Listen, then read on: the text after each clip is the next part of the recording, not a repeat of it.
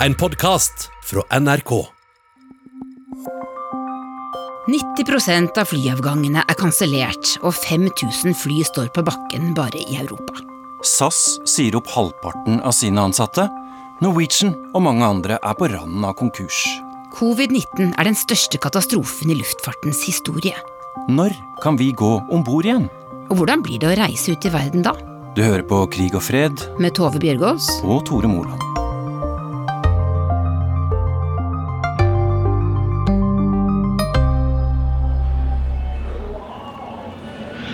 Nå står jeg i adgangshallen til Orlando sin internasjonale flyplass. Kjempestor flyplass. Tar imot eh, titalls millioner besøkende hvert eneste år. Det beste ordet å, å beskrive det på er vel at det er helt, eh, helt dødt. Det, det, det er tomt. Passenger New. Please contact gate 22. Hei, jeg er Lars Os, videojournalist og fotograf for NRK i USA. Nå har jeg sjekk-in til Delta, som er et stort amerikansk flyselskap, på høyre side. Og til venstre så er det flere andre innsjekkingsskranker. De er helt tomme. Langt, langt nedover her så ser jeg 15 personer kanskje som sjekker inn på over 20 skranker. Det er altså ingen folk her. Helt tomt. Ser du eh, tavla over hva slags fly som, som går? Det går fly herfra til Atlanta, Minneapolis, etter New York, Panama City, Toronto. Det er under 20 fly på tavla, og halvparten er kansellert. Ladies and gentlemen, Lufthansa, som er en eh, Europas største flygruppering, de taper nå per time mens vi sitter her og prater, 1 million euro. Så nesten 12 millioner kroner i tipen går ut av kapitalreserven til Lufthansa. I time. 24 timer i døgnet. Det er over en kvart milliard per døgn. Hans Jørgen Elnes, flyanalytiker i WinAir.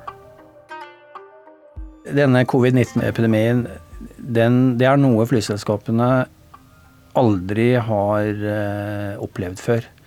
Og dette kom så brått på at de ikke hadde noen god plan for at noe sånt kunne skje.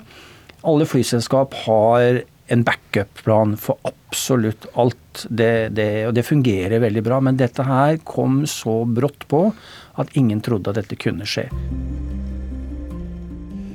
To keep new cases from entering our shores, we will be suspending all travel from Europe to the United States for the next 30 days. 11. mars kunngjorde Donald Trump at europeiske statsborgere ikke lenger får slippe inn i USA pga. koronaviruset. Og grep nummer én er at vi i dag har besluttet å stenge flyplassene våre, stenge havnene våre, og vi kommer til å ha utstrakt grensekontroll langs grensene våre. Et par dager etter stengte Erna Solberg og de fleste av kollegene hennes også grensene. Først sa de at innreiseforbudet ville vare en måned, men grensene er fortsatt stengt.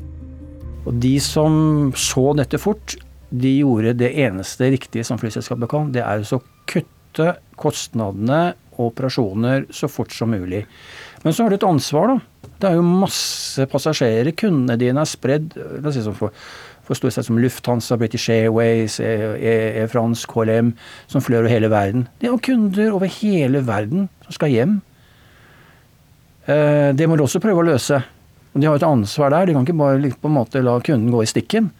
Eh, og det, det har vært utfordrende tror jeg, for å gjennomføre det, for å få disse hjem. Så det er noen få selskaper som har holdt på, bl.a. Qatar Airways. Eh, De har fløyet eh, overalt hvor det nesten har vært mulig å fly. Eh, Og det har selvfølgelig kosta de veldig mye, men de har da sikkert fått veldig mye kred. Fordi at Qatar, eh, de, de sto på, og de redda. Og det, det har de faktisk gjort. Mange tusen passasjerer som har kommet seg hjem. Også til Norge. De flyr til Norge da. Er det sånn fortsatt, eller kommer det en ny fase nå? Det er veldig vanskelig å gi deg skikkelig godt svar på det, fordi vi vet jo ikke helt hvordan vil dette viruset på en måte påvirke det globale reisemønsteret? Hvilke begrensninger er det som vil, vil, vil bli holdt? Hvilke land vil låse, lokke seg ned?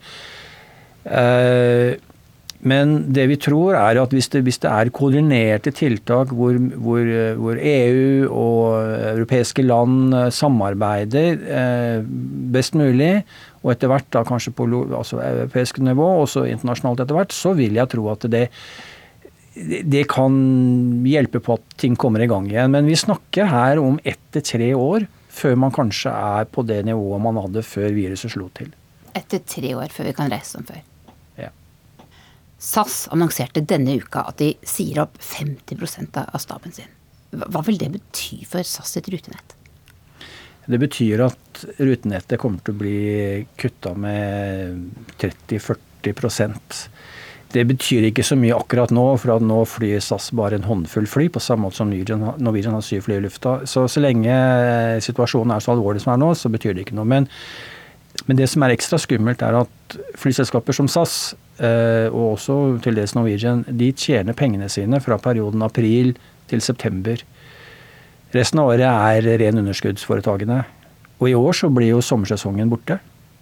Eh, og normalt så har flyselskapene en, en kapitalreserve på 60 dager for i tilfelle noe skulle skje uten at de har noen inntekter.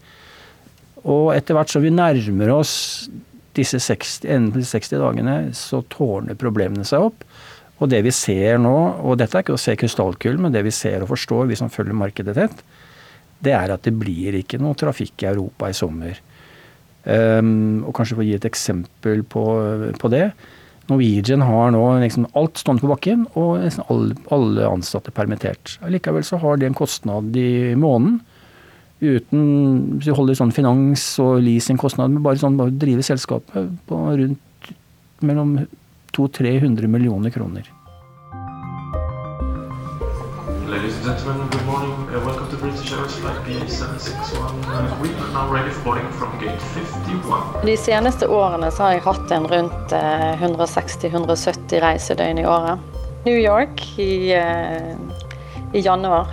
Tyskland, uh, Italia, Hellas, Spania, Nepal, uh, Danmark, Sverige, Tanzania, Aruba. Hei, jeg heter Jannike Hansen, og jeg driver reisebloggen Let's Get Lost. Jannike, når, eh, når var du ute og fløy sist? Jeg var ute og fløy tidlig i mars. Da var jeg i Tyskland. Jeg skulle reise på eh, den store reiselivsmessen ITB i Berlin, som da ble kansellert uken før. Eh, det var fremdeles litt arrangementer og litt sånn som vi skulle prøve å få gjort noe fornuftig ut av, men alt ble avlyst. Og, Hva tenkte du da? Jeg tror ikke noen egentlig så for seg at verden skulle se sånn ut som man ser ut i dag. Og ennå vet jo ikke vi det, i, det, i, det, lange løp hvordan han kommer til å se ut på, på andre siden av covid. Men um, nei, jeg tror veldig mange der ble utrolig sjokkert. Altså, det er en helt sånn usynlig fiende, vi kan ikke se han. Så det oppleves veldig, veldig rart og veldig, veldig annerledes når, når, alt blir avlyst uten at vi kan se en, en, konkret fiende. Sånn som du gjerne gjør hvis det er et, et terroranslag eller andre typer naturkatastrofer og sånn. Du er jo en reiseblogger med 160 reisedager i, i året. Hva, hva, gjør, hva gjør du nå? Nei, altså jeg eh, prøver jo å holde oppdatert eh, på bloggen. Altså jeg kunne jo skrevet masse. Jeg har jo hundrevis av historier på lager som jeg kunne ha skrevet, men det føles veldig feil å promotere utenlandske destinasjoner når man ikke kan reise dit. Hei, jeg heter Jannike Hansen, og jeg er i Sri Lanka, i Colombo akkurat nå. Eh, og de neste to-tre dagene så skal jeg ta dere med på en liten rundtur her i Sri Lanka. Så følg med. Hvis du tar eh, eh, Sri Lanka, da, så har jeg da tett kontakt fordi at vi skulle egentlig hatt en stor konferanse på Sri Lanka i eh, oktober.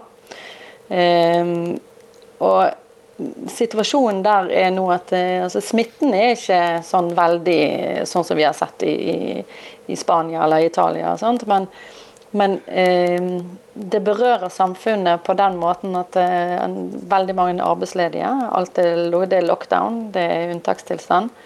Og der er jo fattigdom og sult et mye større problem. Så for meg på en måte å skrive fine historier om det å reise til Sri Lanka akkurat nå, selv om de skulle ønske det fordi de ønsker å få turismen tilbake igjen, så føles det for meg veldig feil, fordi jeg vet at det er mange som lider. Italia er jo veldig hardt ramma, og den ja. regionen. Hva, hva, tenker du om turist, uh, turismen i, i Nord-Italia framover? Altså Foreløpig, de kontaktene som jeg har der nå, eh, har jo alt Altså alt er på vent. Um, så de, de, de, har jo ikke jobb, og de har ikke alt, All markedsføring er kuttet. Um, så de venter vel egentlig bare på at, uh, at ting skal normalisere seg litt. Uh, det vil nok ta tid, fordi at uh, når de er så hardt rammet der, så er liksom infrastrukturen for å kunne ta imot store mengder med, med turister er ikke til stede. Det er ikke oppe å gå. Det er ingen som har forberedt seg på en kommende turistsesong.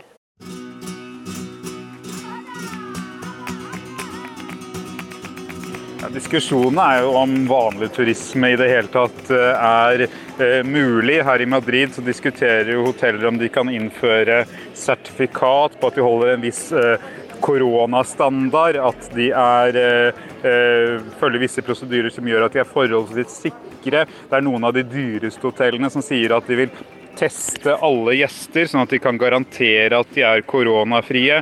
Eller så kommer det forslag om at man skal sette opp pleksiglass mellom bordene eh, på serveringssteder. og at man skal ha oppmålte eh, distanser, altså sosial avstand mellom solsenger. Eh, men alt dette er veldig mye høyttenkning. tenkning, fordi at man er jo usikker på om man i det hele tatt kan begynne å invitere eh, folk utenfra Spania til Spania, eller man i det hele tatt kan ha egentlig noe særlig ferie i sitt eget land dette året her. Jeg heter eh, Philip Lote, er europakorrespondent normalt i Brussel, men der får jeg ikke lov å være pga. belgiske karanteneregler, så nå lever jeg et litt sånn omstreifende liv mellom Paris, Frankfurt og Madrid. Philip, eh, hvor er du hen? Akkurat nå så er jeg på Ifema, det som egentlig er et kongressenter, men som ble bygget om til et feltsykehus, sånn at eh, Madrid skulle klare å takle epidemien. Hvordan ser det ut der, da? Mye helsepersonell, folk i munnbind som går rundt, eh, frivillige som eh, har kommet for å hjelpe pasienter som blir rullet ut ambulanser som kjører på utsiden. Eh, så en litt annen, eh, litt annen, stemning. Men så skal jo dette senteret nå stenge i løpet av helgen, og de prøver å flytte pasientene til andre sykehus. Du har gjort noe som ikke så mange gjør lenger denne uka. Du har reist med fly. Jeg har reist mye med fly sammenlignet med andre den siste tiden. Kan du fortelle litt hvordan, hvordan, hvordan det har vært? Første gang jeg prøvde under koronaepidemien å komme meg ut fra Norge, så, så, var det jo sånn at du kunne booke et fly, og så var det kansellert. Jeg tror det skjedde to-tre ganger at jeg på kort varsel beskjed, fikk beskjed om at dette ikke flyet gikk. Eh, du ble booket om på en helt annen rute, og så ble neste etappe kansellert. Eh, jeg husker veldig godt, Nå er ikke jeg så god til å etterligne svensk, men altså første gang jeg da kom meg på et fly, eh, så var det fra Stockholm til København, eh, hvor, eh, hvor pørseren over høyttaleranlegget sier eh, på denne flighten har vi inget erbjud. Absolutt inget. Så dønn ærlighet fra SAS under, ja. under denne epidemien. Og så har jeg da senere flydd fra eh, Paris til Madrid, eh, og da fikk jeg en helt rad for meg selv. Og der var det regler eh, hos Air France om at man kunne sitte maks to på hver rad, at det skulle være avstand imellom. Og når vi gikk om bord på flyet, så, holdt de også en nøye praksis på at det var to meters avstand mellom hver passasjer når man ble eh, tatt om bord på flyet.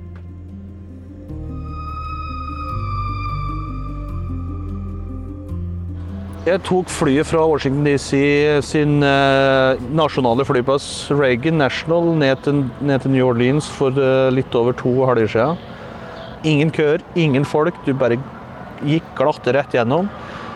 Og det er da helt tomt eh, omtrent på, på adgangshallen og ute ved gaten der. Jeg sitter for meg sjøl, og så ser jeg at det står 'gate closed'. Så tenkte jeg søren, nå har de, er det kansellert nå, da?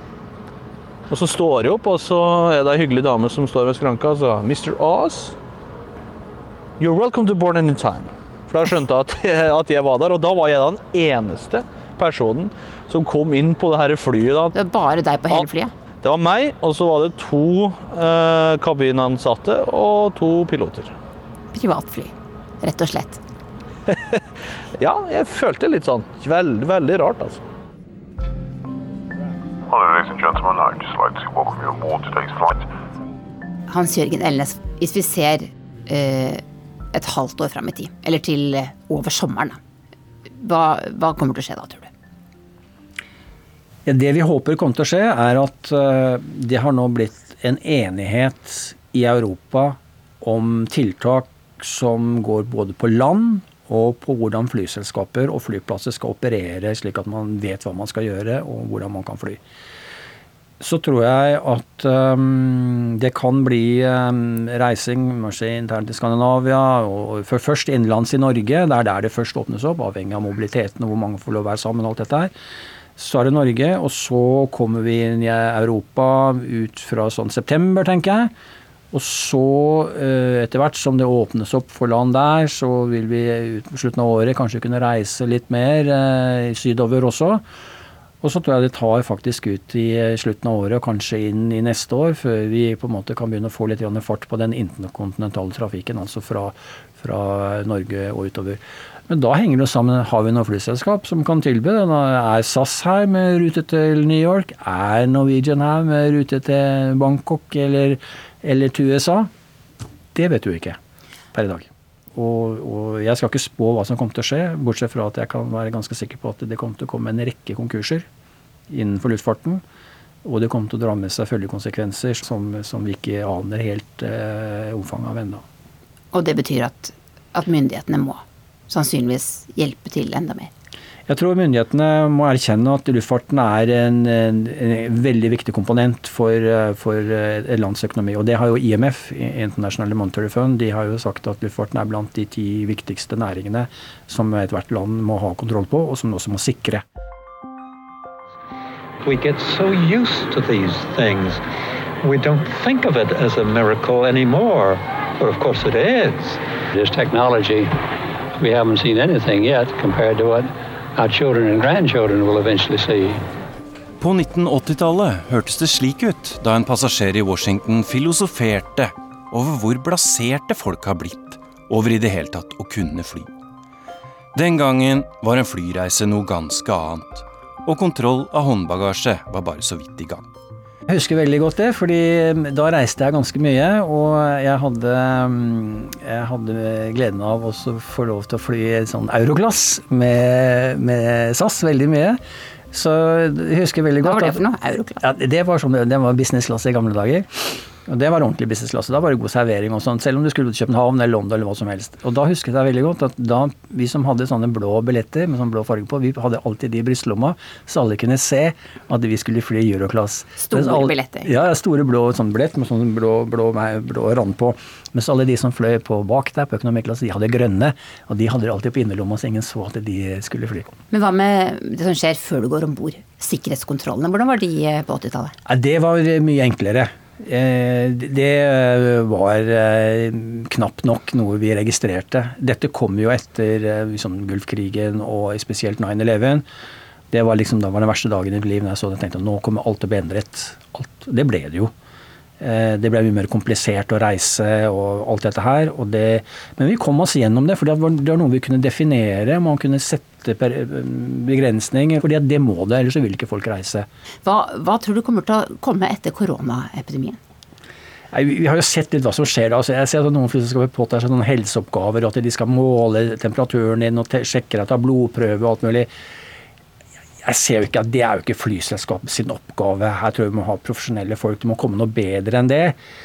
Jeg vet ikke, litt hypotetisk, men kanskje man får noe helsesertifikat som oppdateres, et eller annet, en app som hele tiden som viser som hvor det har vært og hva det har gjort. og, og sånt, og Det blir, kan bli mer kontroll med dette hvis det viser at ikke man får en vaksine. Så, så dette kan bli f.eks. at du, du, du ikke kan fylle opp flyet ditt Eksempelvis, da. Og det er veldig ille for flyselskapene, og det vil jo drive flybillettprisene. Jeg tør ikke tenke på hvor de havner ennå. Ja, for det har det vært snakk om om man f.eks. må la midtsetene stå tomme. Ja. Hvilke konsekvenser ville det få for flyselskapene? Nei, Det er veldig ille. Hvis vi skal ta det de får mest konsekvens for, da, så er jo det lavprisselskapene. For at de har en, en, forretningsmodell som går på at flyet skal fylles opp nesten uavhengig av pris.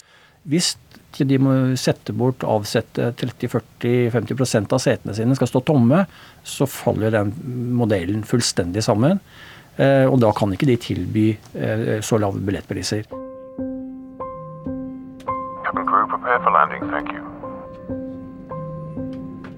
Hvis, hvis, du ser tilbake inn i tid eh, før vi hadde eh, sikkerhetskontroll på flyplassene, Altså jeg ser filmer fra tidlig 80-tall, og så kan man gå helt frem til gaten, som, eh, selv om man ikke skal ut og reise. Så er det veldig rart å se på. Nå er vi helt vant med, med de restriksjonene som en sikkerhetskontroll på alle flyplasser eh, innebærer.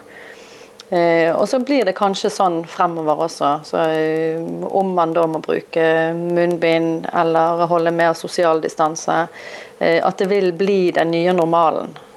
Det hadde føltes veldig rart å komme opp på, på Flesland nå og ikke skulle gå gjennom en sikkerhetskontroll.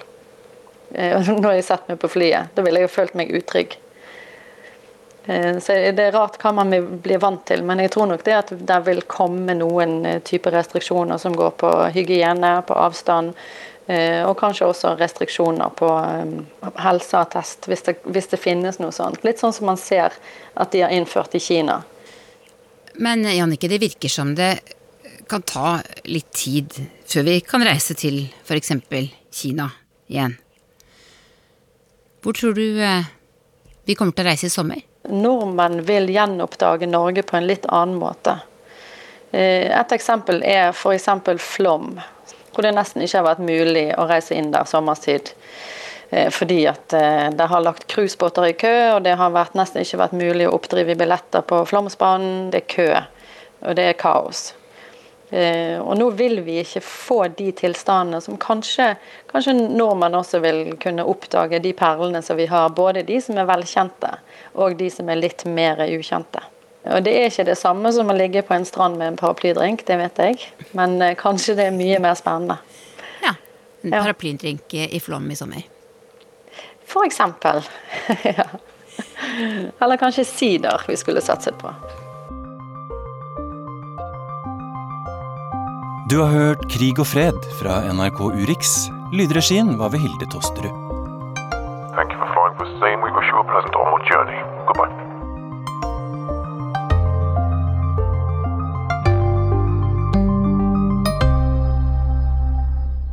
Du har hørt en podkast fra NRK. Hør flere podkaster og din favorittkanal i appen NRK Radio.